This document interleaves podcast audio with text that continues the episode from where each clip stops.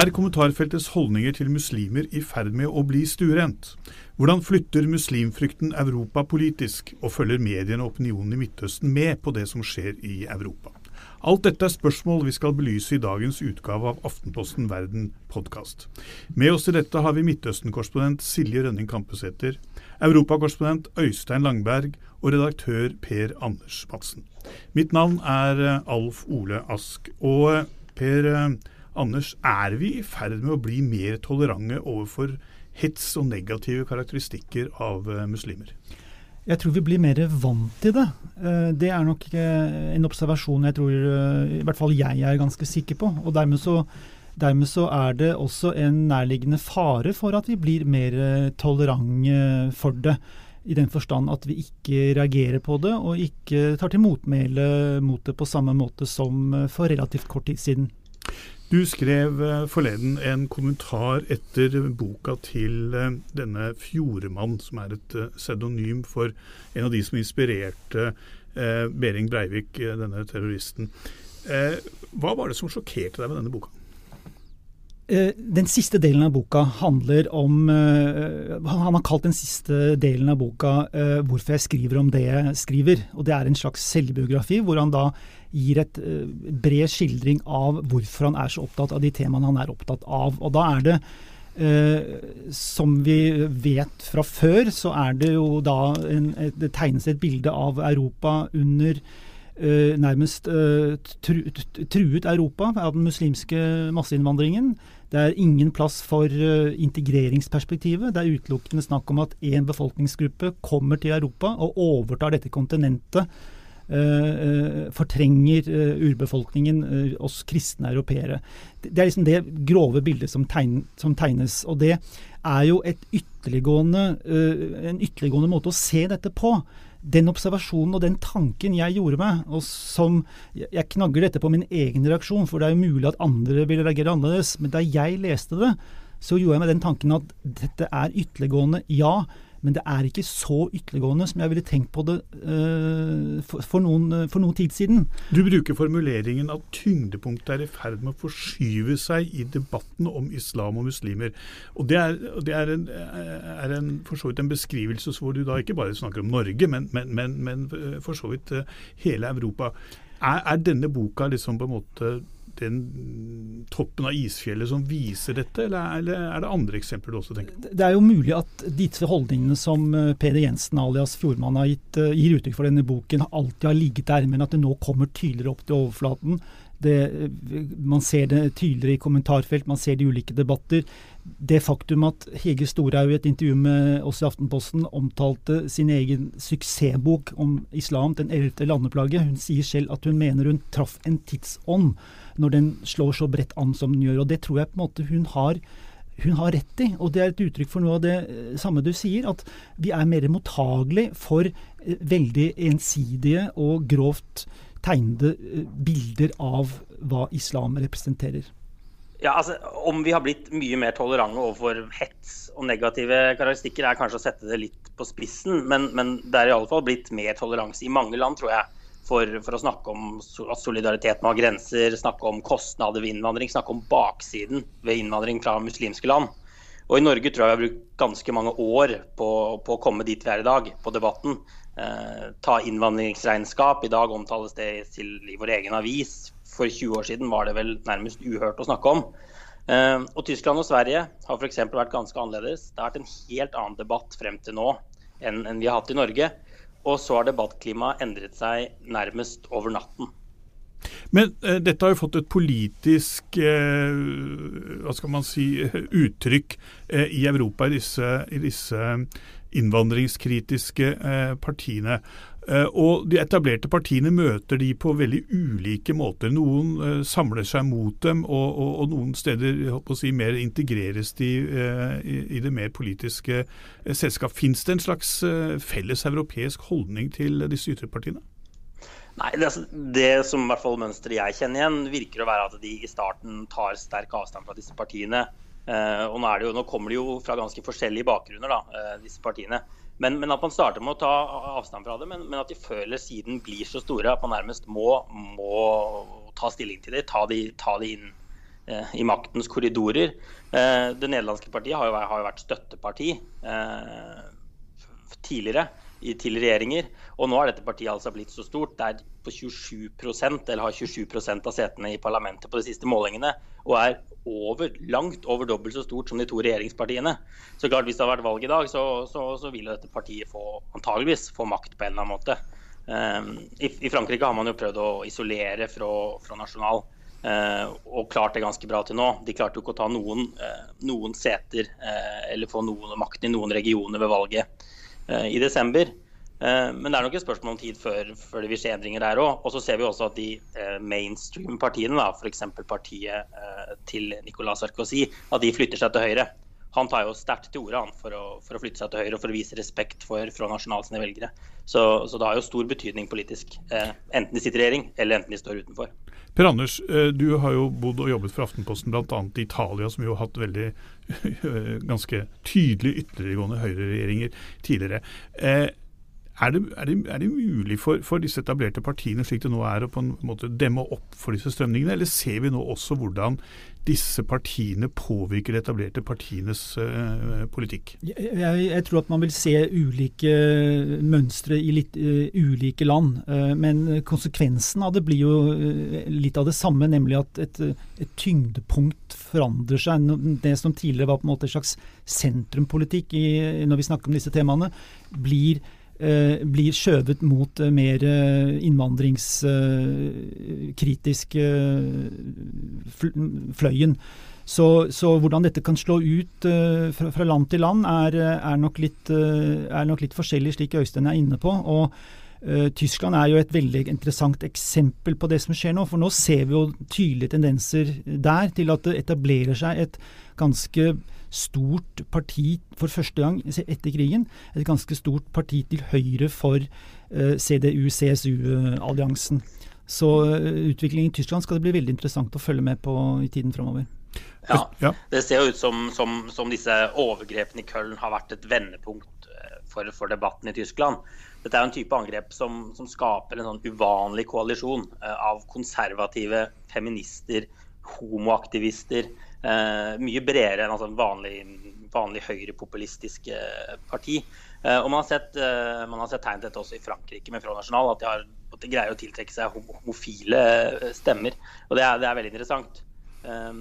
Og det er nok en del tyskere nå som rett og slett er engstelige. Det var i hvert fall min erfaring da jeg møtte folk på gata i Köln. Hvordan kommer den engstelsen til uttrykk? Nei, eh, flere medier har den siste uken f.eks. meldt at uh, salget av pepperspray har gått rett til værs i Tyskland. Uh, og da jeg var i Köln, så var jeg innom butikker som ligner litt på XXL i Norge. Og der var de faktisk helt utsolgt for pepperspray etter disse overgrepene på, på nyttårsaften. Og jeg var også innom en butikk hvor de selger våpen, altså en jaktbutikk. Og de sa at våpen med løsammunisjon og våpen som skyter slike pepperkuler det var gått rett til værs. Eh, og også de menneskene jeg møtte på gata, jeg vil kalle de unge, vanlige mennesker, sier at uh, nå må vi, nå må vi stoppe, stoppe, innvandringen på grensa og ta oss av de som er her. Så det er tydelig at det blir en mer utbredt oppfatning, og at det er mer eh, gangbart å si det til medier, til alle nå, enn det var for, for kort tid siden. Men det er jo også slik at uh, man i kjølvannet av, av disse tingene nå også vedtar lover og innstramninger som, som jo presser demokratiet i, i eh, Europa. Vi står overfor liksom, både i, i, forhold til, til flyktningstrømmen og i forhold til terror, så står vi overfor eh, spørsmålet hvor udemokratisk skal man lov til å være for å beskytte eh, demokratiet. Franskmennene har jo hentet fram eh, lover fra 50-tallet, da, da, da, man hadde Algerie-krisen. Eh, og Øystein først, er EU nå beredt til å stramme inn på disse demokratiske rettighetene og øke personkontroll mer enn, enn hva de var før disse hendelsene skjedde?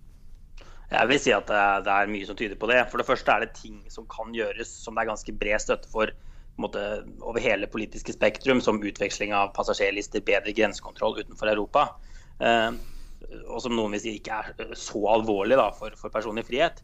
Men det er ingen tvil om at ser du på Frankrike, som du sier, så har det skjedd store ting. Det har vært vedtatt unntakstilstand for tre måneder Politiet har i hvert fall de siste tallene jeg har sett, de har gjennomført 3000 husraid. Og kun én er til nå blitt dømt for terrorisme, ifølge franske medier. Det er flere som har blitt satt i husarrest og den type ting. Men, men igjen, altså, det tyder på at dette har ganske stor støtte ute i befolkningen, også blant politikerne i, det franske, franske parlamentet. Og man, man, kjenner litt på det selv også. Jeg var jo her da, da Brussel var i full lockdown etter, etter Paris-terroren. Og det er altså, soldater, politi, militærkjøretøy i gatene. Du blir minnet på dette hele tiden. Man får en følelse av at det når som helst kan storme noen inn på kafeen og begynne å skyte på folk. Vi vet jo at sannsynligheten for det er eh, latterlig liten, men, men, det gjør noe med, med, med folket og støtten for, for den type tiltak. Jeg, jeg, tror, jeg tror noe, noe, av faren med det eh, som skjer, eh, og Frankrike er jo et veldig godt eksempel, den unntakstilstanden på tre måneder som, som du nevner, ble innført da rett i kjølvannet av, av terroren. Forleng, altså først var det bare noen, en drøy uke, og så ble den nærmest uten debatt forlenget i, i tre måneder. Den største faren i den perioden der, eh, som vi da er, er fortsatt er inne i, er jo at, at, den type fullmakter og den type tiltak, altså fullmakter som politiet har fått, og den type tiltak vi nå ser, eh, får den konsekvens at muslimene som befolkningsgruppe føler seg mer utsatt og eh, mer i søkelyset enn andre deler av befolkningen. Uh, og Det paradoksale er jo der at nettopp den type polarisering som kan bli konsekvensen av det, at den store muslimske befolkningen i Frankrike føler seg utsatt i den situasjonen som nå er oppstått, er jo direkte i forlengelsen av det uh, IS og andre terrorgrupper ønsker å oppnå. De Ryan Reynolds here from Mint Mobile. With the price of just about everything going up during inflation, we thought we'd bring our prices down. So to help us, we brought in a reverse auctioneer, which is apparently a thing. Mint Mobile unlimited premium wireless. Ready to get 30, 30, bit to get 30, bit to get 20, 20, 20, bit to get 20, 20, bit to get 15, 15, 15, 15 just 15 bucks a month. So, Give it a try at mintmobile.com/switch. slash $45 up front for 3 months plus taxes and fees. Promo rate for new customers for limited time. Unlimited more than 40 gigabytes per month slows. Full terms at mintmobile.com.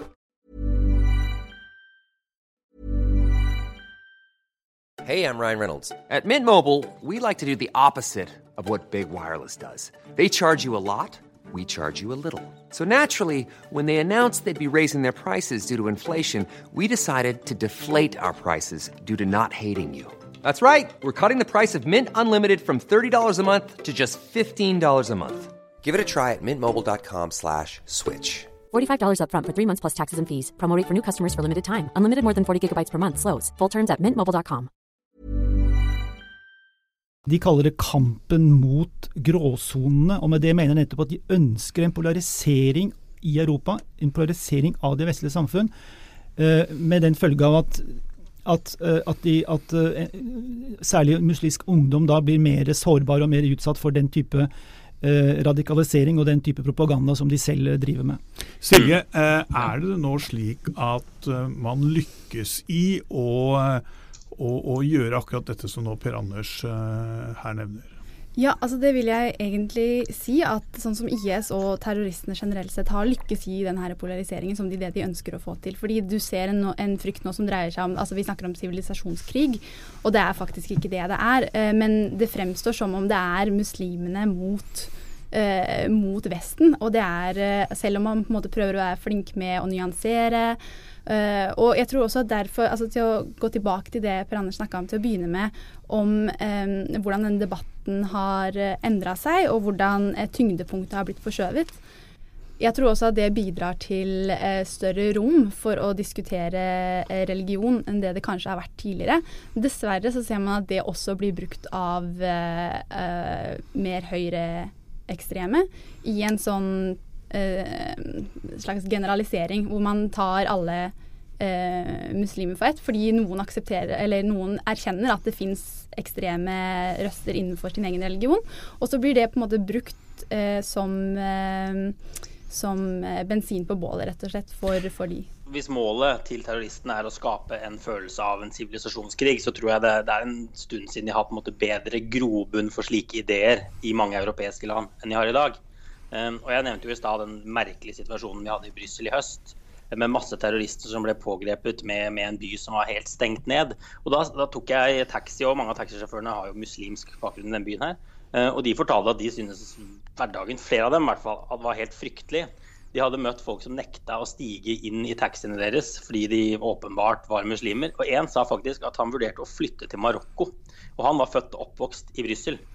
Ehm, så man kan jo liksom spørre seg med alle disse tiltakene, hvem er det som stoppes på flyplasser og i grenseoverganger i disse spotkontrollene? Det, det er neppe sånne som deg og meg. Men Silje, når du nå eh, har jobbet i Istanbul, reist rundt i Midtøsten, fulgt eh, mediene i Midtøsten, er de opptatt av disse endringene som nå skjer i eh, Europa?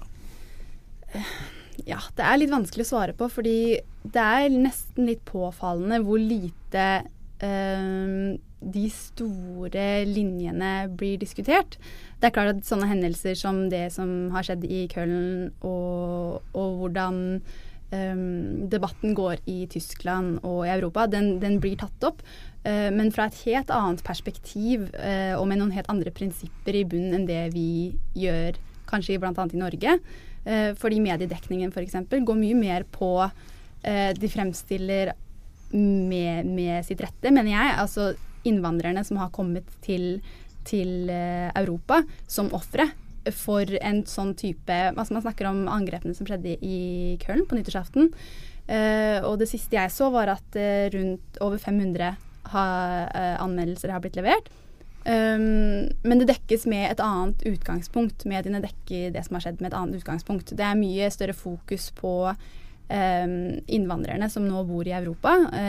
og altså, Akkurat som vi hadde et intervju eh, som du gjorde, Øystein, med 25 år gamle Sherwan, som nå er opptatt av å eh, gjøre det klart at dette ikke er en allmenn oppfatning at muslimer flest, eller innvandrere flest at Han sier jo at vi i Syria har respekt for kvinner. og og, og, det er mediene eh, som jeg har fulgt med på i Midtøsten, mye mer opptatt av å, å nyansere det bildet og vise at det, det, er ikke majoriteten, selv om det har blitt gjennomført sånne angrep på nyttårsaften, så, så det er det ikke noe majoriteten stiller seg bak. De er veldig opptatt av å balansere det bildet, for nå blir det på en måte to tuer, hvor, er, hvor man har det, eh, disse som står bak sånne angrep på den ene siden, så har man de høyrepopulistiske på andre siden. Og så blir det denne gråsonen som, som, IS da vil fjerne, og den blir i større grad mer og mer borte. Og det, det gjelder jo i mediene òg, fordi det, den får ikke noe plass da, på en måte i mediebildet. Og, men jeg syns jo det er um, et eksempel som jeg syns er ganske godt, er da jeg bodde i Betlehem for en tid tilbake siden, så, eh, så, er det klart at man får kanskje mer blikk eh, og mer oppmerksomhet som eh, bleik og blåøyd. Eh, og, og, det vekker litt interesse, nysgjerrighet. Men, men, det var først når jeg kom hjem til Oslo og skulle gå gjennom enkelte strøk eh, en eh, mørk kveld, at jeg faktisk kjenner på frykten for å bli utsatt for seksuelle overgrep. Den hadde jeg fordi jeg visste veldig godt, og med arabiske venner og bekjente, at den grensa, altså det å, å, kikke på noen, og det å faktisk til det å gjøre noe, det er en ganske stor forskjell. Også selv om det mye, har vært mye fokus på dette her med at, eh, at uh, catcalling, det å stirre på kvinner på gata eller rope eller plystre ting, uh, at det er veldig utbredt i Midtøsten. Men samtidig så skal man også huske på at det er en ganske annerledes ting å gjøre det, og også faktisk begå et seksuelt overgrep. Det, det er veldig, veldig et stort gap mellom der. Og den trusselen den kjente jeg mer på, eller den frykten kan man si, i, i Norge enn det jeg gjorde når jeg bodde i Betlehem. Men er det slik at uh, i den formidlingen av hva som nå skjer i Europa, i medier som du følger der nede, så syns man at vi er litt fordummende tolerante? Nei, det opplever jeg ikke. Uh, jeg, jeg, opplever at eh, det kanskje At man syns man har et litt feil fokus. Uh, for vi er veldig opptatt av hvordan man skal håndtere det her politisk korrekt, istedenfor å diskutere faktiske løsninger for integrering. Og, så debatten går om hvordan vi skal ha debatten, istedenfor å fokusere på, på hva man faktisk kan gjøre for å ta imot disse menneskene som faktisk trenger hjelp. Uh, og, og, ikke minst returnere de som ikke har det samme beskyttelsesbehovet så raskt som mulig. Men øh, denne debatten som går her om å stramme til i, i, i asylpolitikken, i hvor stor grad preger den mediedekningen som du nå har sett? F.eks. snuoperasjoner i Sverige og Tyskland? Det er klart at det, det, det skrives eh, om, eh, om, grenser og om gjerder som kommer opp, og, og, og, de politiske utfordringene. Men jeg vil si likevel at tyngdepunktet i mediedekningen ligger faktisk eh, på hva disse folkene flykter fra, og ikke nødvendigvis hva som møter dem. Men, men det er faktisk de politiske prosessene rundt hva som skjer i Syria, og hvordan det er å være flyktning i nabolandet. Eller, altså sånn, det, det, det, er der hovedvekten på mediedekningen uh, ligger. Per Anders, er vi i ferd med å miste litt fokus på problemene som disse flyktningene kommer fra, og er blitt for opptatt av de problemene de skaper når de kommer hit? Jeg vet ikke om jeg vil være så kategorisk å si at, uh, at det ene liksom er i ferd med å fortrenge det andre helt. Altså Når man leser uh, en person som Peder Jensen alias Fjordmann, så er det klart at da er jo Syria-konflikten og det faktum at det store store flertall av de som kommer til Europa, flykter fra krig og katastrofe, det, det perspektivet er ikke-eksisterende. Men det er jo, han er jo tross alt et Og de som tenker som han, er jo et ytterpunkt i debatten fortsatt. Det må vi jo holde fast ved. Eh, så eh, hovedmediebildet i Norge vil jeg si er, er jo slik at man altså er, Vi skriver jo veldig mye om Syria og om konflikten og mulighetene for å, for å, få en fredsprosess på, i gang der. Så det er jo ikke, det er jo ikke borte, og det, det, må jo ikke bli borte heller. Eh, det som jeg tror blir veldig viktig for, hvis vi skal ta et litt sånt medieblikk på dette fremover, tror jeg blir veldig viktig nå på bakgrunn av det vi nå har snakket om, er at at vi, eh, vi, må bli eh, bedre på det å løfte fram muslimer og muslimske miljøer også i positive kontekster. At vi, vi må skrive om vellykkede eksempler altså for integrering. At integreringen stort sett går ganske bra i Norge.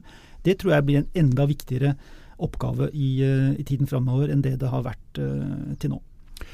For å avslutte med deg, Øystein. Dette er jo en av 2016s eh, største utfordringer for, eh, for EU. Eh, e Både krigssituasjonen nærmest på deres dørstokk, og ikke minst denne flyktningsituasjonen.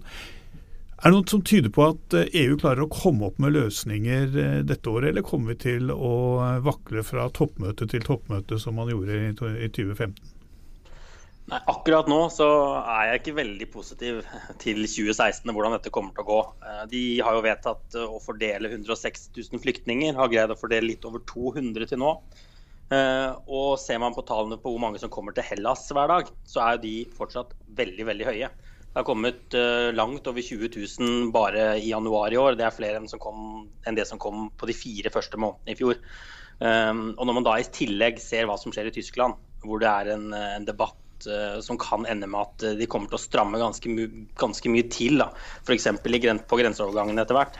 Så, så, er det veldig, rett og slett veldig åpent hva som kommer til å skje, skje utover våren. Det, det, der tror jeg kommer til å bli et kjempeviktig perspektiv. For i en situasjon hvor det hopp, propper opp grensekontroller og gjerder innad mellom europeiske land, så risikerer man jo at man kommer i den situasjonen som jo har vært situasjonen i mange år, nemlig at Hellas og Italia, eh, som er kystland i Middelhavet, eh, overlates nærmest til seg selv. Det, det, er, det, er ikke, det, er, mulig å gjerde inn Ungarn. Teoretisk er det mulig å gjerde inn Ungarn. Og eh, hvordan asylstemmen har stupt der etter at de faktisk fikk på plass gjerdene, kan jo forlede Europa til å tro at det er liksom løsningen. Nytter ikke å gjerde inn Italia og Hellas. Uh, så og Da er vi tilbake til den situasjonen Du nevnte at jeg jobbet i Italia for mange år siden. Det, og det begynner å bli ganske mange år siden. Men også da var Italia faktisk svært opptatt av migrant, ulovlig migrantstrøm til, til, Italia. Og hvordan, hvordan italienerne og italienske myndigheter følte seg latt i stikken av EU og, øh, og Brussel. Så i verste fall vil vi få en gjentagelse av det, bare på et mye, mer, mye høyere og mye mer dramatisk nivå enn det vi, enn det vi har sett tidligere. Og i hvert fall én ting som er helt sikkert, eh, og det er at når vi nå skriver januar 2016, så kommer dette til å være et tema som eh, Aftenposten Verden eh, podkast vil komme tilbake til, antageligvis flere ganger i løpet av året som akkurat har begynt. Det var det vi hadde i denne ukens podkast Aftenposten Verden. Følg oss gjerne på Twitter eller Facebook. Kom med tips eller innspill til hva vi kan ta opp. Vår utenriksjournalistikk kan du følge på alle plattformer døgnet rundt på aftenposten.no. Ja, Aftenposten får du til og med på papir i en postkasse nær deg. Mitt navn er fortsatt Alf Olask. Vi er tilbake om en uke.